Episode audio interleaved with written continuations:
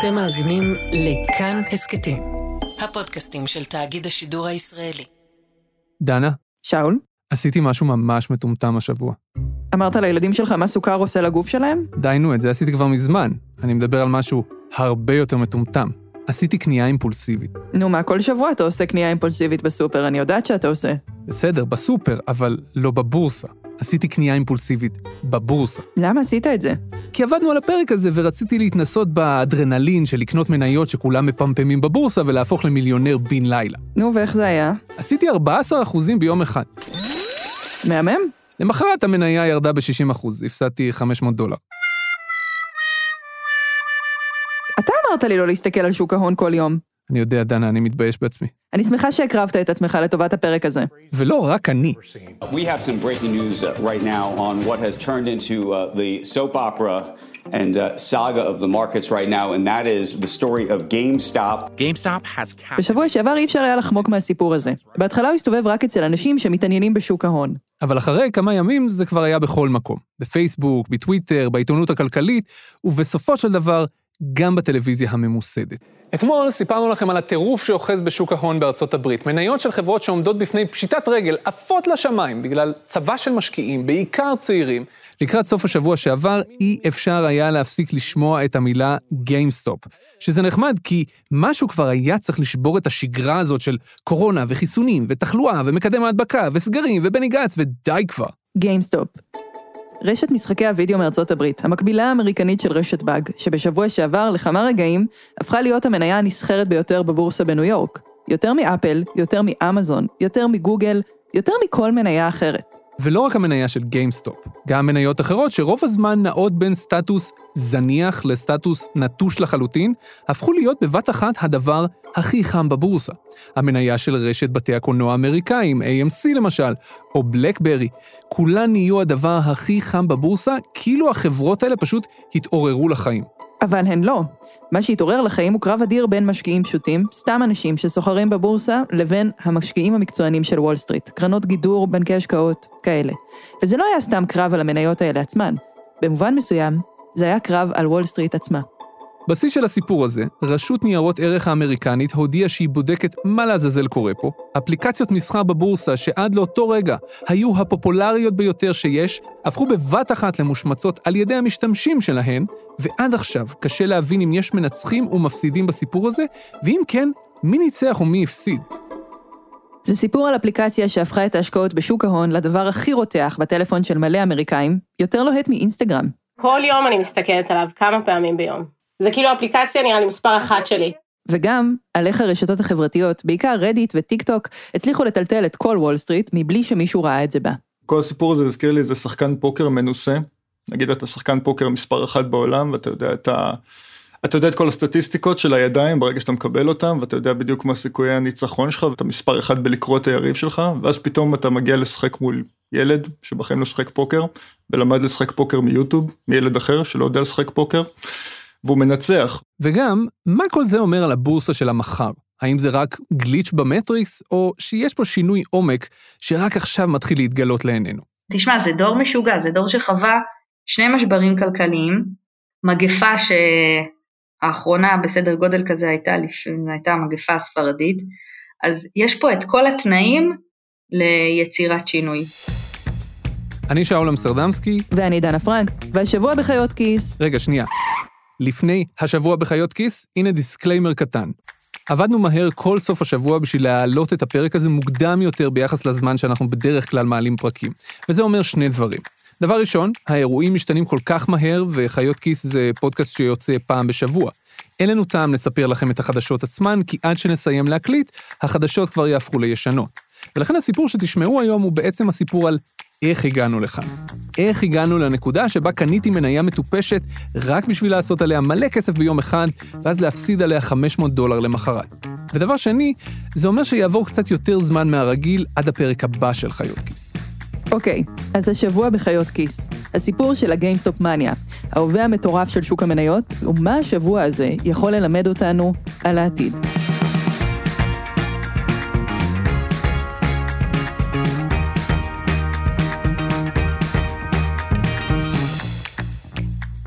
אני חושב שהסיפור הזה הוא הוא שלושה סיפורים ביחד, אבל אה, אם הייתי צריך לבחור איזושהי נקודת התחלה, אולי הייתי בוחר 2013. זו השנה שבה רובין הוד אה, צץ אל החיים. זה איתי צישנבסקי, כלכלן ואנליסט פיננסי, והוא גם כותב הבלוג תועלת שולית ואחד ממגישי הפודקאסט הרס יצירתי. רובין הוד היא אפליקציה שמאפשרת לסחור בבורסה בכיף, לקנות, למכור, מניות, אופציות, מה שבא לכם. מהר מאוד היא נהייתה מאוד פופולרית בקרב חבר'ה צעירים שלפני כן לא בהכרח בכלל סחרו בבורסה, ויש לזה סיבה. השם רובין הוד אומר לך כבר מה הם, אה, על מה הם בנו בעצם, הם ניסו להציג את וול סטריט בתור אה, חבורה של אה, גנבים, שבכל פעם שאתה מנסה לקנות ולמכור מניות אז הם... הם ייקחו לך עמלה, עמלות די שערורייתיות וגבוהות ביניהם, והם אמרו אנחנו ניתן לכל אחד לקנות ולמכור כמה שהוא רוצה בלי לגבות מהם עמלה. זה היה הרעיון מאחורי הטריק. ברגע שרובין הוד אמרו, תקשיבו, אצלנו אתם יכולים להשקיע בבורסה בלי לשלם עמלות, הם הסירו חסם פסיכולוגי מאוד משמעותי שעומד בדרך של כל מי שבכלל שוקל את הרעיון הזה.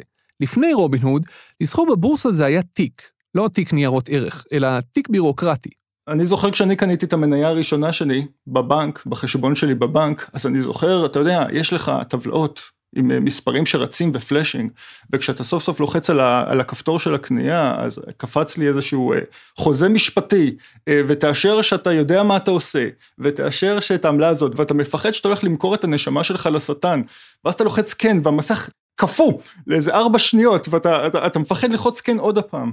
רובין הוד זרקה הצידה את כל הבירוקרטיה. רוצים לסחור? swipe right. וזהו. במילים אחרות, האפליקציה הפכה להיות שער לשוק ההון לאדם הפשוט. מי שאי פעם השתמש באפליקציות או בתוכנות מסחר, בתוכנות מידע, יודע כמה רע הן מתוכננות לרוב. זה כמו האקסל הכי גדול שאת יכולה לדמיין, עם מלא פרטים ומידע בצורה מאוד מאוד לא נגישה. זה אבי שטרן. אבי הוא פעיל בשוק ההון ומנהל קהילת Money Talks בפייסבוק, שכבר יש בה יותר מ-22 אלף חברים. המטרה שלה היא להנגיש ולהקליל את שוק ההון. באו החבר'ה של רובין הוד ועשו כמה מהלכים. קודם כל, ב onboarding, בתחילת השימוש, הם אומרים דבר כזה, בן אדם, פתחת אצלנו חשבון, לא צריך שתשים כסף, קח מניה חינם. ואם אתה מצרף מישהו, אתה מקבל מניה והוא מקבל מניה. זאת אומרת, תחשבי על זה שכאילו אם יש לי איזה אלף חברים בפייסבוק, תאורטית, למה שאני לא אצרף את כולם? מה אכפת לי? אני מקבל מניה, הם מקבלים מניה, וכל זה אשכרה בלי תנאי של סכום מינימלי בחשבון. אז זה דבר ראשון. הם גם ממשחקים את זה, מבינה? זה הופך להיות מין משחק כזה, הגרלה של איזה מניה תקבל. ברמה של כשאתם מורידים את האפליקציה, אתם מקבלים מתנה, מניה. כדי לראות איזו מניה זו, אתם צריכים לגרד כרטיסי גירוד בשביל לראות אותה. וזאת רק ההתחלה. את קונה נגיד אה, מניה, זה עושה לך כאלה קונפטי. את מקבלת אה, דיבידנדים, זה שולח לך notification. כאילו כל מיני דברים כאלה שאת כזה. זו עדי פלקוביץ', כולם קוראים לה פלקי. פלקי בת 34, יש לה ילד בן שלוש וילדה בת חצי שנה. כולם גרים בלונדון. יש לה חנות אמזון שמפרנסת אותה. היא והבן זוג שלה חיו כמה שנים בארצות הברית. שם היא גילתה את האפליקציה. פלקי נכנסת לרובין הוד כל יום. פעם באמת, את יודעת, יש לך נגיד תיק בבנק או משהו כזה, את נכנסת פעם ב... את גם לא עושה מיליון פעולות. פה יש לך את התיק, כל יום אני מסתכלת עליו, כמה פעמים ביום. זה כאילו אפליקציה נראה לי מספר אחת שלי. זאת לא רק הנגישות שמושכת את פלאקי להיכנס לרובין הוד מיליון פעם ביום, יש שם פשוט המון מה לראות, הרבה יותר מאשר באינסטגרם. הוא כל הזמן מראה לך כמה כסף כאילו יש לך בקאש אצלם, אם מימשת כאילו חלק מזה, אז כמה כסף יש לך בקאש. את כזה, אוי, מה אני יכולה לקנות בזה? עובדה שאני נכנסת לזה כל יום, נו, אין, מה, אין דרך אחרת אה, להסתכל על זה. בעצם זו תוכנה שנגישה כמו כל רשת חברתית אחרת לטלפון שלכם, אבל מה שקורה בה בקצב מסחרר זה לא רק השנינויות של חברים שלכם, אלא מה הכסף שלכם עשה היום, וגם מה הכסף של חברים שלכם עשה היום. כי רובין הוד ואפליקציות דומות מאפשרות לכם לעקוב אחרי החברים שלכם, או אחרי סוחרים אחרים, ופשוט להעתיק את תיק המניות שלהם, להשקיע במה שהם משקיעים. אם טוויטר זה ממכר, רובין הוד זה הקרק של תשומת הלב שלכם. ובשביל להכניס פנימה קהל ששוק ההון קצת גדול עליו, רובין הוד עשו עוד משהו. אחד הדברים החשובים ביותר שהם עשו זה שהם אפשרו מסחר בשברי מניות, בשברים. זה היה ה game changer האמיתי שלהם. זאת אומרת, עד לאותה נקודה, יחידת המידה המינימלית של קנייה ומכירה של מניות הייתה מניה אחת. זאת אומרת, אם אתה רוצה לקנות, המינימום שאתה יכול לקנות הוא תמיד מניה אחת. הבעיה היא שהמחיר הנומינלי של מניה יכול להיות מאוד מאוד גבוה. בואו ניקח את אמזון שוב, היא נסחרת היום, אני מסתכל, 3,300 דולר למניה אחת. אם אתה בן אדם צעיר, או אם אתה לא משקיע גדול, ואין לך הרבה כסף בחשבון, נגיד יש לך פחות מ-3,000 דולר, אתה לא יכול לקנות, לא היית יכול לקנות מניה אחת של אמזון עד לאותה נקודת זמן. הם שינו את זה, הם אמרו, אתה לא חייב לקנות מניה, בוא תקנה שבריר מניה. אתה יכול לקנות אמזון ב-100 דולר, ב-50 דולר, אתה לא באמת צריך את המניה, אתה רק צריך את, ה- את החלק היחסי שבה. למה זה טוב? כי נמאס ששוק ההון הוא מועדון שפתוח רק לאנשים עם הרבה כסף. הנה מנכ"לית פפר, מיכל קיסוס הרצוג. פפר הוא הבנק הדיגיטלי של לאומי, ויש להם אפליקציה שנקראת אינבסט, שגם היא מאפשרת לסחור בשברירי מניות. תחשוב שעד לפני כמה שנים, שלא היו את הפלטפורמות האלה, אנשים אה, לא היו יכולים אה, לסחור באופן ישיר בבורסה בסכומים קטנים ובפיזור גדול. כי מה בעצם שברי מניות עשו? שברי מניות אה, גורמות לך בעצם יכולת להחזיק בכמה מניות בצורה מפוזרת, בסכומים נמוכים. זה נכון שאתה היית יכול להשקיע בתעודת סל, אבל אז אומר שמנהל הקרן מנהל לך את זה. פה אתה יכול להשקיע לבד במה שאתה רוצה.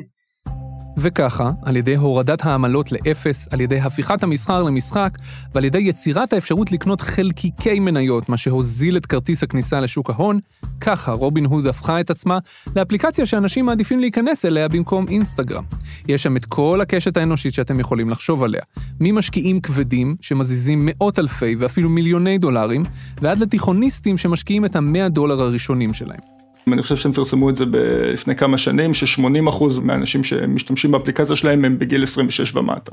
הם די גאים בכך שהם הם האפליקציה של הדור הצעיר, של הדור המגניב, של הדור שקובע את הטרנדים. זאת אומרת, זה בהחלט נקודת מכירה שלהם. דנה, תני לי להיות שנייה שוטר הרע, או יותר נכון, הבומר שאני, אוקיי? נולדת לזה. זה כאילו הכל סופר מגניב וזה, אבל האמת שזה מפחיד אותי רצח. שוק ההון זה לא באמת משחק, זה כסף אמיתי, לא כסף של מונופול. להתייחס לזה בתור איזה קזינו משעשע, זה די מפספס את המטרה של שוק ההון. וזה גם יכול לגרום לאנשים להתמכר ולהפסיד את התחתונים ובסופו של דבר להרוס משפחות. אולי זה טוב שזה יהיה קצת לא נגיש. הנה שוב אבי שטרן מ Money Talks.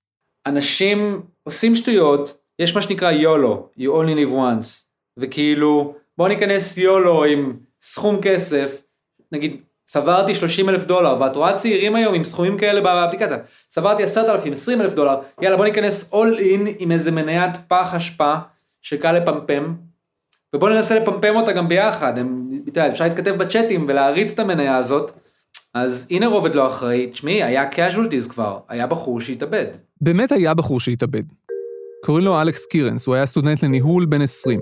לא באמת ברור מה בדיוק קרה איתו שם, מין בלבול בקריאת המסכים באפליקציה גרם לו לחשוב שהוא הפסיד 750 אלף דולר בהשקעות שלו.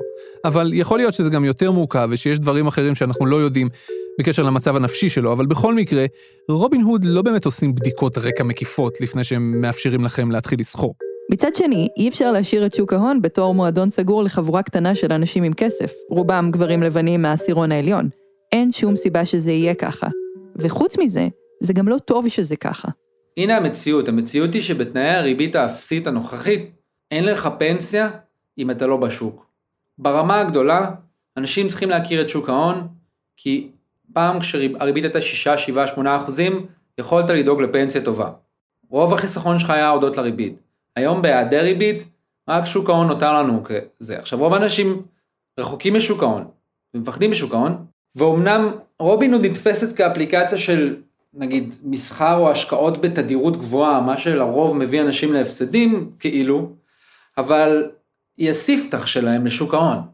אז הם בקלילות נכנסים, בקלילות קוראים, וזה, את יודעת, גם כשאנחנו בכיתה א' מנגישים לנו את החומר. אז כפתיחה זה טוב. הנגשה היא מילת המפתח פה. רובין הוד מנגישה את שוק ההון, אז המשתמשים ניגשים. הם יכולים לקרוא תקצירים של המלצות אנליסטים, לראות מה כולם קונים, או מה כולם מוכרים, ומה החברים שלהם עושים, אז הם עושים את זה. כי למה לא? אנשים כמו פלאקי מלונדון מגלים שהאינטואיציות שלהם מוכיחות את עצמן, והם מצליחים לעשות כסף. למשל, לאחרונה פלאקי קנתה שתי מניות של מותגים, כי היא שמה לב שהם מאוד פופולריים באמזון. אה, שתי מניות שכאילו שמתי עליהם עין זה נייקי וקרוקס, וקרוקס קצת אה, איחרתי, הם עלו המון, והרגשתי שנייקי עדיין לא ממש עלו הרבה, וכאילו כל הקונספט הזה שלהם של כאילו ללכת אה, נגד אמזון וכאילו יותר אה, לבנות את ה brand שלהם לעומת ברנדים אחרים, הוא די, אה, די נכון. אז קניתי. אבל הסיפור הזה לא נשאר רק בתוך האפליקציה של רובין הוד. רובין הוד היא רק המערכה הראשונה. ברוכים הבאים למערכה השנייה.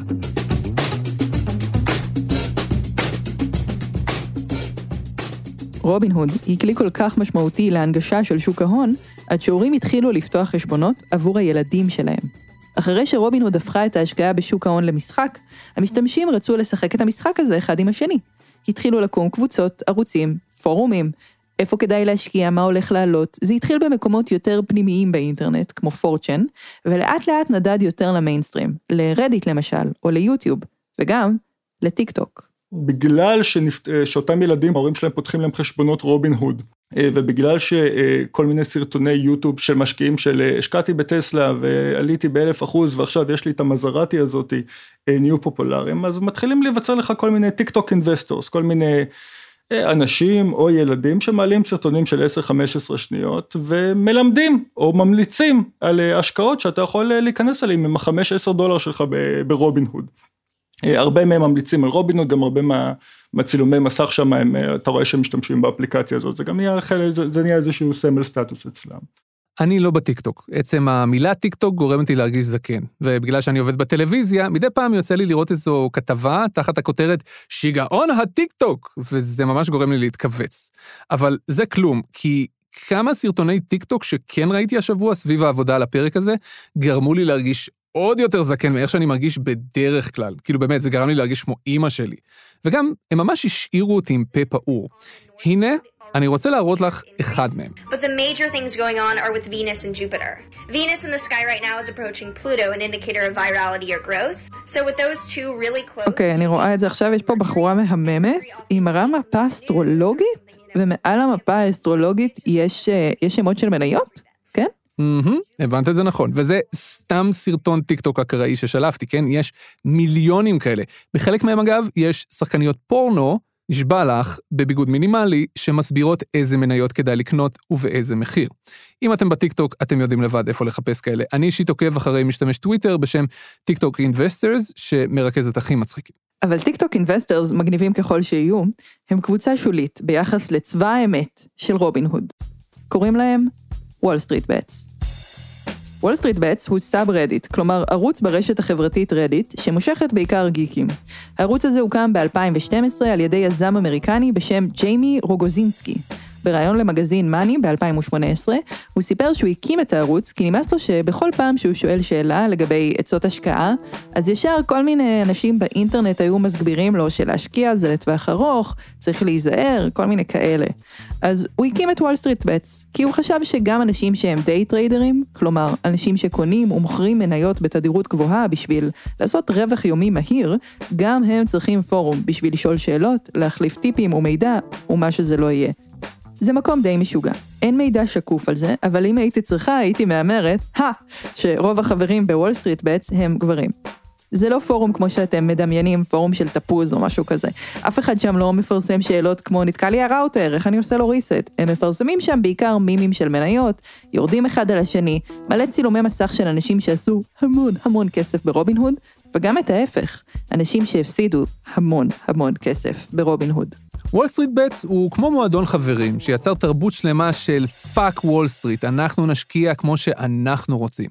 בלי לקרוא דוחות כספיים, בלי לנתח שווקים. אנחנו לא שמים עליכם, ואנחנו משקיעים באווירה של YOLO. חיים רק פעם אחת. אז אנחנו עושים all in על מניות ספציפיות. אילון מאסק, היזם והמנכ"ל של טסלה וספייסיקס ועוד כמה חברות, הוא אחד האלילים שלהם, אבל גם אחד האנשים שהם הכי אוהבים לרדת עליו.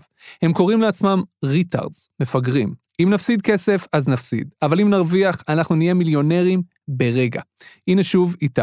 אני עקבתי אחרי, אחרי וול סטריט בטס, אני חושב כבר לפני שנה, אתה יודע, מדי פעם נכנס פנימה, ויש שם כל מיני אנשים שהם בגדול day traders, חבר'ה שהם אה, אה, הרבה פעמים מעלים כל מיני המלצות השקעה הזויות, או מנסים אה, להזיז מניות קטנות וחסרות חשיבות.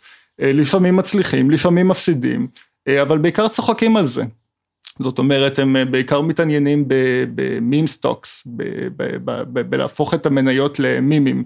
אה, סיפורים מצחיקים, או איזה שהם אה, אה, מחירים משעשעים שהמניה הגיעה ולכן אני נכנסתי כי זה מצחיק, או תראו אותי, אני מפגר, קניתי את המניה במחיר הכי גבוה שהיא אי פעם הגיעה, תעשו לי לייקים, תעשו לי upvote, תיתנו לי awards בגלל שאני כזה מטומטם. וזה נהיה איזשהו טרנד ממטי כזה. בזמן הראיון ההוא ב-2018 עם מייסד וול סטריט בטס, היו ב subreddit הזה 300 אלף חברים. נכון לאתמול, יש בוול סטריט בטס כמעט 7 מיליון חברים, אבל רובם הצטרפו ממש בשבוע האחרון. עד סוף 2019 זה היה מקום שיחסית מעט אנשים הכירו. אבל אז, אז הגיעה הקורונה.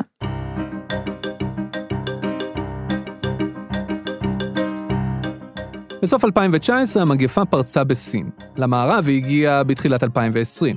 כלומר, היא הגיעה קודם, אבל עד שאנשים הבינו שהיא הגיעה, וכבר היה מאוחר מדי, היה מרץ 2020.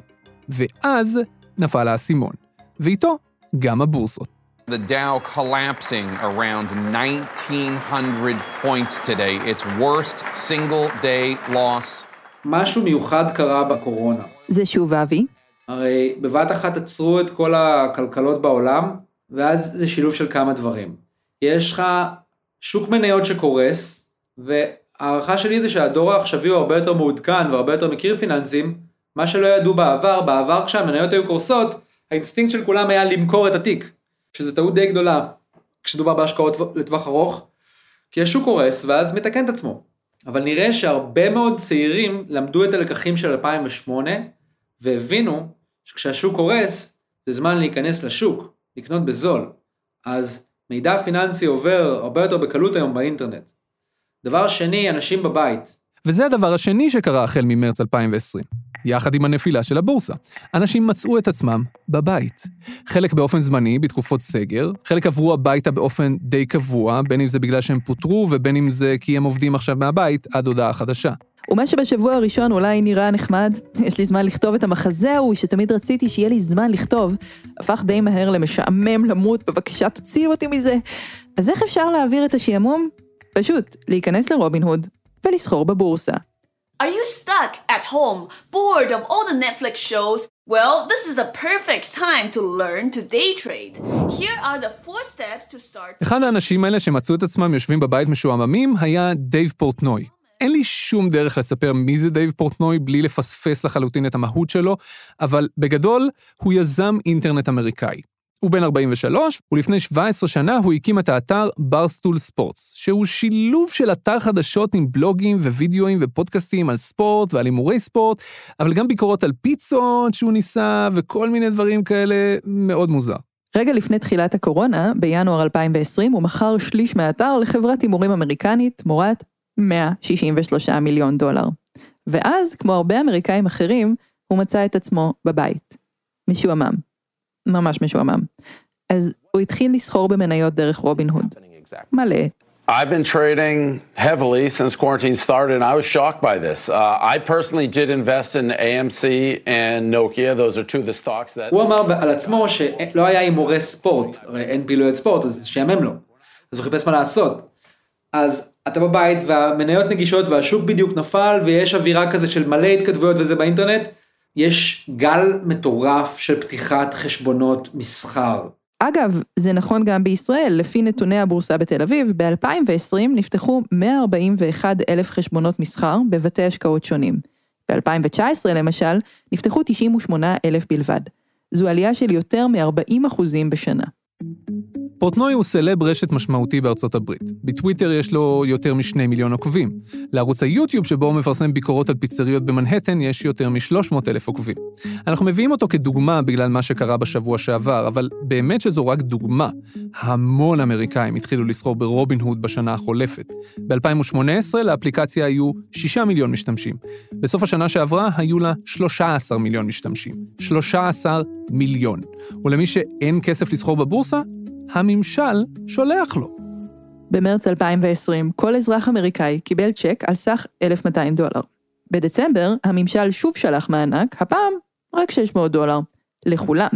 האמת, שאפשר לחשוב על דברים יותר גרועים לעשות עם מענקי הקורונה האמריקאים, מאשר להשקיע בבורסה. לצ'קים האלה של הממשל בארצות הברית קוראים stimulus. החבר'ה בטיק טוק קוראים לזה stimmy. הם מפרסמים סרטוני טיק טוק ויוטיוב על איפה אפשר להשקיע את ה-600 דולר של הסטימי שלהם. How to turn your $600 stimmy into 13,000 stocks to invest in 2021. The first one is Blink, BLNK, the gas station of electric vehicles. זאת נגיד, אני לא יודע מי זאת, אבל אני מת על הסרטון הזה. היא מסבירה איך לוקחים את הסטימי של ה-600 דולר ומשקיעים אותו במניות והופכים אותו ל-13,000 דולר. למשל, היא ממליצה להשקיע במניה שנקראת בלינק, שזו רשת של תחנות דלק. למה? כי המניה הזאת עלתה ב-216% בשנה האחרונה. זו הסיבה. לסרטון הזה, אגב, רק בטוויטר יש 308,000 צפיות. ובינתיים, בכל העולם, אנשים היו משועממים מאוד, בודדים מאוד, ועם מעט מאוד דברים לעשות מחוץ למסך כדי להעביר את הזמן. הפיתוי להיכנס לרובין הוד ולנסות את מזלם היה מפתה מתמיד. והאפליקציה הייתה ממכרת כמו שהיא יודעת, והמניות רצו, והטיק טוק עלה על גדותיו, והדיונים ברדיט נמשכו בלי יום ובלי לילה, כי היי, אין סיבה ללכת לישון כשאין עבודה לקום אליה, ואין סיבה לצאת מהבית. כולם פותחים רובין הוד, וכולם אה, פותחים, אה, וכולם קוראים ב Reddit, וכולם מקבלים אה, סרטונים של טיק טוק. זה שוב איתי. אמרו, טוב, אני אקח את הכסף הזה, מה אכפת לי, נפל עליי כסף מהשמיים. ואני אשקיע, ואתה רואה אותם פותחים צ'אטים של Discord בערב, ומדברים עם החברים שלהם, ואומרים, איזה מניה אתם רוצים להיכנס אליה עכשיו, בואו ניכנס ביחד, מצלמים את עצמם, וזה האירוע החברתי שלהם, כי כבר אי אפשר ללכת לסרט ביחד, או אי אפשר להיפגש במקום אחר. זה נהיה איזשהו משהו מגניב. ואז, כשהכל היה מוכן, ואז הגיע GameStop.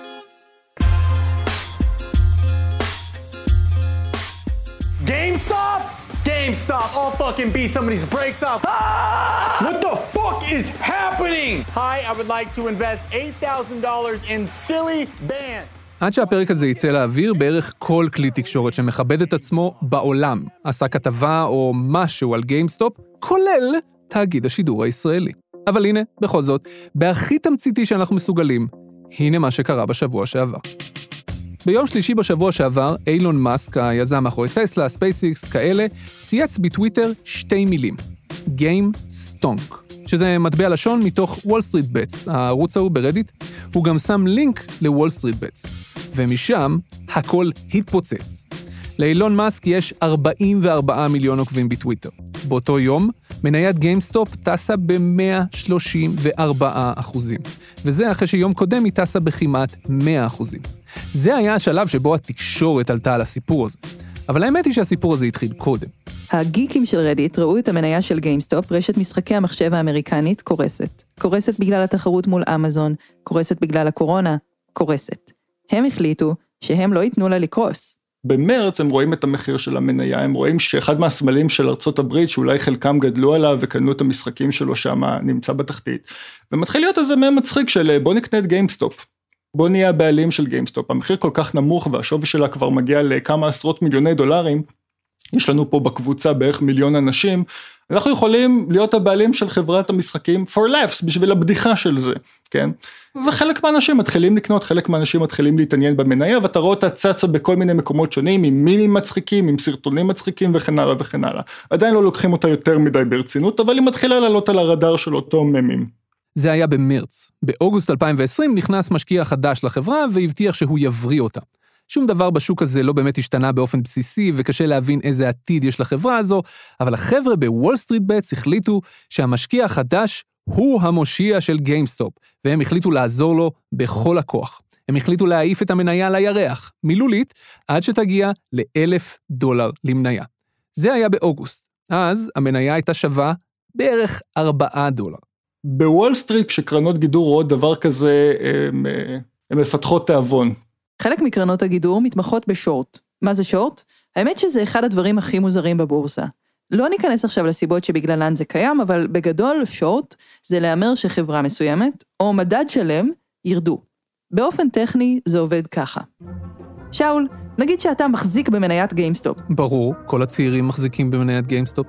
עכשיו, אני קרן גידור גדולה, אני רוצה לעשות שורט על המניה, אני רוצה להמר שהמניה תרד. מה אני בעצם עושה? אני באה אליך ואני אומרת לך, שאול, תלווה לי את המניה. אני מתחייבת להחזיר לך אותה כשתרצה, לא משנה באיזה מחיר היא תהיה. בינתיים, אני מוכרת את המניה, כי אני חושבת שעכשיו המחיר שלה גבוה והוא הולך לרדת. בגלל זה אני עושה שורט. ואז כשאתה מבקש ממני להחזיר את המניה, אני אקנה אותה מחדש ואחזיר לך. מכרתי ביוקר, קניתי מחדש בזול, עשיתי אחלה כסף. ואתה, מבחינתך, לא קרה כלום. מדהים. קצת אחרי אמצע ינואר, קרן גידור גדולה בשם Citron פרסמה שהיא בפוזיציית שורט גדולה על GameStop. היא מסבירה שלחברה אין עתיד, ולכן היא החליטה להמר שהיא תיפול. מותר לה לעשות את זה. לא רק שמותר לה, סיטרון מקווה שעל ידי זה שהיא מפרסמת שהיא בפוזיציית שורט גדולה, המשקיעים יבינו את המסר לבד, יברחו מהמניה של גיימסטופ, והיא תיפול. למה? כי לסיטרון יש היסטוריה מעולה של שורטים מאוד מוצלחים, שהיו לה. כן, שוק ההון, מקום מוזר לפעמים. אבל רגע, כי כאן זה נהיה יותר מוזר. החבר'ה של וול סטריט בטס רואים את זה ואומרים, ככה? זיבי. אנחנו נקנה יותר מניות של גיימסטופ ונטיס את המניה לירח. אימוג'י חללית. וככל שהמניה תעלה, ככה קרן הגידור תפסיד את כל הכסף שלה. ואז כל החבר'ה מתחילים לעוף, מעלים צילומי מסך של חשבונות הרובין הוד שלהם, וסרטוני טיק טוק, ומה שאתם לא רוצים, והמניה עפה. היא כבר באזור ה-40 דולר, שזו עלייה של פי עשרה מתחילת החודש. זה לא עוזר, השורטיסטים רק מתחפרים בעמדה שלהם, ועוד קרנות גידור נכנסות לפוזיציה הזו. בשלב הזה, כמו שאנחנו לומדים בדיעבד, יש גם קרנות גדולות שתופסות את העמדה הנגדית, זאת של החבר'ה מוול סטריט בטס. כולם מהמרים נגד כולם. ומי שרואה את זה הוא אילון מאסק, ומאסק הוא שונא את השורטיסטים. טסלה, חברת המכוניות החשמליות שלו, היא אחד היעדים הקבועים למתקפות של שורטיסטים. אז הוא מתעב אותם, וכשיש לו הזדמנות להיכנס בהם, הוא נכנס. ואז הוא מצייץ את הציוץ ההוא, ואז המניה עפה. ברגע שכל החבר'ה מרדיט התחילו לקנות דרך רובין הוד המון המון מניות של גיימסטופ, מחיר המניה זינק בפראות. קוראים לזה ראלי, כמו דומינו ראלי. המחיר עלה כל כך מהר, עד שלקרנות הגידור שהימרו שהיא תצנח, לא הייתה ברירה, אלא לקנות את המניות במחיר החדש, הגבוה, כי ככה עובדים שורטים. וזה רק מעלה את מחיר המניה עוד יותר. זה מה שקוראים לו short squeeze, אם יצא לכם לשמוע את המושג הזה בחדשות בשבוע האחרון. זה נמשך. מניית גיימסטופ עלתה לשיא של 350 דולר למניה. זה פי 100 ממה שהיא הייתה חצי שנה קודם לכן. פי 100! אושיות אינטרנט כמו דייב פורטנוי מפמפמים את המלחמה הזו, שפתאום נהיית מלחמת אור וחושך, מלחמת דוד מול גוליית. למרות שזה לא בדיוק ככה, כן? והתקשורת קולטת את זה והיא מהדהדת את הסיפור הזה, ובבת אחת מספר החברים בוול סטריט בטס משלש את עצמו, וכולם כבר בטוחים שהנה הנה עידן חדש בשוק ההון. ואז, ב-28 בינואר, ביום חמישי, רובין הוד עשתה משהו לא ייאמן. we made the decision uh, in the morning to limit the buying of about 13 securities on our platform. רובין הוד, החברה שכל הקטע שלה זה לקחת מהעשירים ולתת לעניים, כלומר, לעזור לאנשים מן השורה להיכנס לשוק ההון ולהפוך לחלק מהמועדון הסגור, דווקא הם מחליטים לעשות את זה אחורה פנה. בבוקר חמישי, המשתמשים באפליקציה גילו שרובין הוד החליטה לעצור את המסחר ברשימה של מניות מאוד מאוד ספציפיות. במקרה המניות שהחבר'ה מוול סטריט בטס מריצים. גיימסטופ, AMC, בלקברי, עוד כמה. או ליתר דיוק, רובין הוד לא אסרה את המסחר בהן, היא אפשרה למכור את המניות האלה, אבל לא לרכוש מהן עוד. בבת אחת, כל המניות האלה צנחו בעשרות אחוזים. הרבה מאוד אנשים הפסידו כסף. האפקט היה מטורף. כל האינטרנט התמלא בזעם כלפי רובין הוד, והמון משתמשים החליטו שהם פשוט מוציאים משם את הכסף, מוחקים את האפליקציה ועוברים לאפליקציה אחרת. אנשים כמו דייב פורטנוי החליטו שהם יוצאים למלחמת עולם ברובין הוד, על כך שהם לקחו את הפוזיציה של הרעים, של הכרישים מוול סטריט. But what is going on on Wall Street? The way they have absolutely cheated, stolen, robbed everyday people who have been investing with Robinhood and other E-Trade accounts and all this stuff. בוול סטריט בטס התחילו להופיע מניפסטים, על איך כל הסיפור הזה, זה ה disruption הגדול של שוק ההון. איך זה ה Occupy Wall Street האמיתי. כל מיני כאלה. בינתיים, הרבה אנשים התחילו להבין איך רובין הוד באמת עושה את הכסף שלה. כמו בכל מקום אחר באינטרנט, אם אתם לא משלמים על המוצר, זה אומר שאתם המוצר. חוץ מכמה שירותי פרימיום שהיא מוכרת למשתמשים כבדים, מה שרובין הוד עושה זה למכור לקרנות גידור את המידע על המשתמשים שלה. כשאתם מזרימים פעולה של מכירה או קנייה של מניה ברובין הוד, קרן גידור מקבלת את המידע הזה שברירי שנייה לפני שאתם מבצעים את הפעולה, ויכולה להרוויח על זה כסף בעצמה, כי כל שבריר שנייה קובע. וזו הנקודה שבה נאלצנו להחליט שדי. אי אפשר ככה, אנחנו מוכרחים פשוט להתחיל לכתוב את הפרק הזה מתישהו, למרות שכל המציאות משתנה כל ארבע דקות, ולכו תדעו מה קרה מהרגע שהקלטנו את זה ועד הרגע שבו אתם שומעים את זה. בזמן שאנחנו עורכים את הפרק הזה, צבא האמת של וול סטריט בטס מתכונן לשלב הבא במלחמה הזו. אגב, בכל הסיפור הזה, גיימסטופ עצמה לא ממש הרוויחה משהו. כל הסיפור שהוא כאילו מסע להצלתה לא באמת שינה לה שום דבר. זה קורה מעל הראש שלה. מי שקונה מניה משלם את הכסף למי שמכר לו את המניה. הכסף לא מגיע לקופה של החברה, לא מגיע לקופה של גיימסטופ. אם מתישהו גיימסטופ תחליט לנצל את המומנטום, להנפיק מניות חדשות ולהשתמש בכסף שייכנס מההנפקה הזו בשביל לבנות את עצמה באופן חדש, כזה שיאפשר לה להתחרות מול אמזון נגיד, זה כבר יהיה סיפור אחר. אבל בינתיים, זה לא זה.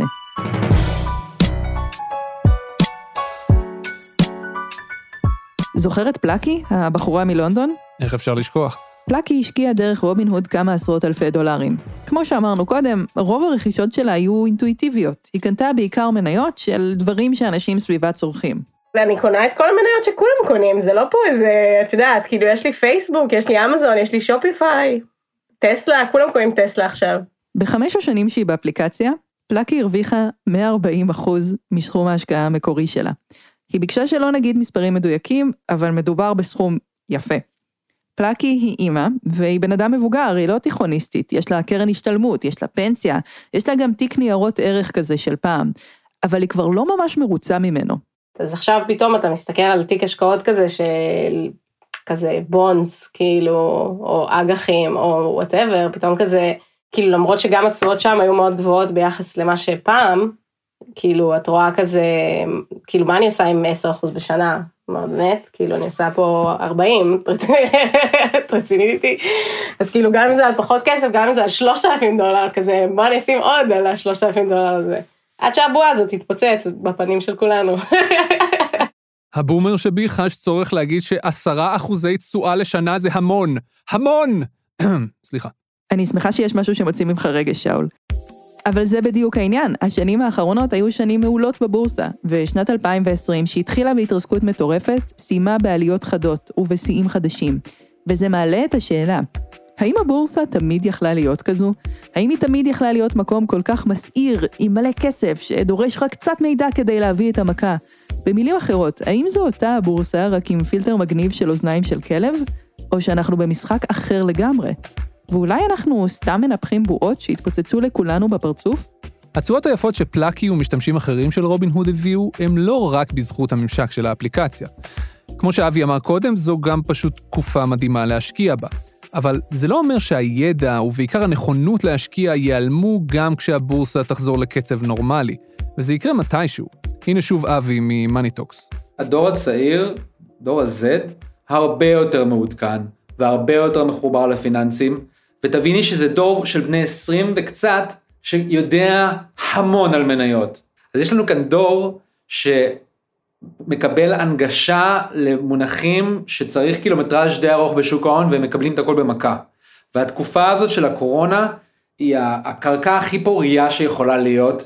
תשמע, זה דור משוגע, זה דור שחווה שני משברים כלכליים. גם מיכל כיסוס הרצוג מפפר מסכימה איתו. מגפה שהאחרונה בסדר גודל כזה הייתה, הייתה המגפה הספרדית, אז יש פה את כל התנאים ליצירת שינוי. ואני חושבת שגם השפה פה היא לא נכונה, שכאילו איך בעצם נותנים לילדים האלה להיכנס לשוק ההון, ואיך אה, שוק ההון זה משהו שהוא אה, מורכב, וצריך ללמוד, ואתה צריך תואר מייל וכולי וכולי, ופה אני חושבת שזה טעות וזה ממש לא נכון. אה, אני לא חושבת שמדובר באיזה צבא של ילדים, היום יש אה, כלים אה, לכולנו להיות בשוק ההון, ויש אלגוריתמים שעוזרים לנו לקבל החלטות, אז אני חושבת שלהסתכל אה, בזלזול על אותו קהל שהיום סוחר שפעם לא שכר, זאת תהיה טעות. השאלה איך לוקחים את הכוח שלו ובאמת הופכים את זה ללא סתם משהו נקודתי שקרה עכשיו ומשנה את השוק והופך את זה למאוד מעניין, אלא באמת שזה יגיע לאיזשהו שלב הבא, לשינוי חברתי, כלכלי, דברים כאלה. אגב, בכל הסיפור המדהים הזה לא אמרנו מילה אחת על רגולציה. בין היתר בגלל שרגולטורים עוד לא כל כך יודעים איך לאכול את האירוע הזה, את הרצת המניות הקולקטיבית הזאת, שהיא כנראה חוקית לחלוטין. ובכלל, הרגולציה תמיד מתקשה להדביק את הקצב של הטכנולוגיה, לא רק בוול סטריט, בכל התחומים. אבל אירועים כאלה רק מזרזים את לידתה של רגולציה חדשה. מתישהו זה יקרה, מתישהו הרגולציה תתערב. וכשהיא תתערב, אז בעיניי זה יהיה מעניין. כי אז כל המאבק הזה שקורה עכשיו, הוא יתאזן או לפה או לפה. אני לא יודעת להגיד לך לאן זה יתאזן, כי זה נורא תלוי לאן הרגולציה תיקח את זה. אבל אחד מהצדדים לצורך העניין אה, בסופו של דבר אה, ינצח. אז בטוח צריכים פה רגולציה, אבל זה לא אומר שצריך אה, לפגוע בטכנולוגיה הזאת או בפלטפורמות האלה, או לא לאפשר אה, להנגיש את שוק ההון, כי את זה אי אפשר לקחת אחורה. אני חושבת שזו מהפכה, ואני חושבת שזו מהפכה טובה. זו גם הייתה העמדה של מיכל כששאלתי אותה אם לא מפריע לה שבאפליקציות מסחר דיגיטליות כאלה יש בדרך כלל גם את האפשרות להעתיק את התיק של חברים שלך או של משתמשים אחרים ולהשקיע כמותם. כלומר, היא מודה שיש כאן אלמנט של תרבות עדר, אבל היא גם חושבת שבקבוצות הוואטסאפ והפייסבוק והטלגרם ורדיט ובכל המקומות האלה גם באמת לומדים המון ובאמת מסתובב שם הרבה מאוד ערך. ולכן, למה לאסור על אפליקציות לאפשר את מה שקורה במילא ברשת? זה מה שהיא אומרת. אי אפשר לעצור את הביקוש, לא משנה איך תנסו. אז לאן הולכים מכאן? האם אירועי השבוע האחרון ישנו הכל? האם המלחמה של צבא האמת של Wall Street Bets, עם או בלי רובין הוד, תשנה הכל? האם לא משנה מה יעשו המשקיעים הקטנים, בסופו של דבר וול סטריט תמיד תנצח? האם המפולת שתבוא בבורסה מתישהו תעיד שההתקרבות לשוק ההון הייתה רק אשליה, ושאף אחד לא באמת יודע מה הוא עושה. האם דור ה-Z, שכולל אנשים שכבר בגיל 14 או 15 או 17 יושבים וסוחרים בבורסה בשברי מניות, הולך לעשות לשוק ההון את מה שאמזון עשתה לשוק הקניות? אולי. ואולי, יום אחד, הם יהפכו להיות החבר'ה עם החליפות. תראי, בוא לא נהיה נאיבים. גם גוגל, שני צעירים מגניבים שפיתחו כאילו מנוע חיפוש, ב, אתה יודע, בגראז', הפכו בסוף להיות corporate nation. אותם צעירים מגניבים של עכשיו כן מפוררים את החומות של וול סטריט עם האנשים המעונבים וכל ה... במרכאות הנזק שהם גרמו לעולם ולכלכלה ולסביבה, אבל שלא נשלה את עצמנו. אותו דור צעיר לאיזשהו זמן יוצר פה איזשהו disruption, אבל יכול להיות שביום מן הימים זה יהיה המקולקל החדש. היום פייסבוק גונבת לך את המידע ומחתימה אותך על כל מיני טפסים, זה התחיל כמגניב עם גרפיטי על הקיר של המשרד.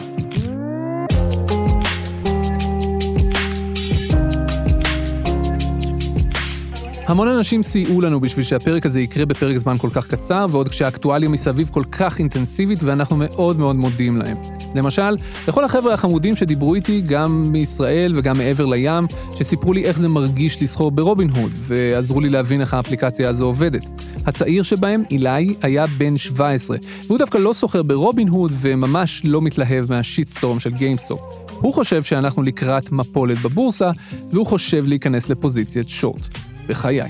תודה גם לחן ארד מ Solidus Labs, שדיבר איתי על ההשפעה של רובין הוד על שוק הקריפטו, נושא מרתק בפני עצמו, שאולי נקדיש לו פרק מתישהו.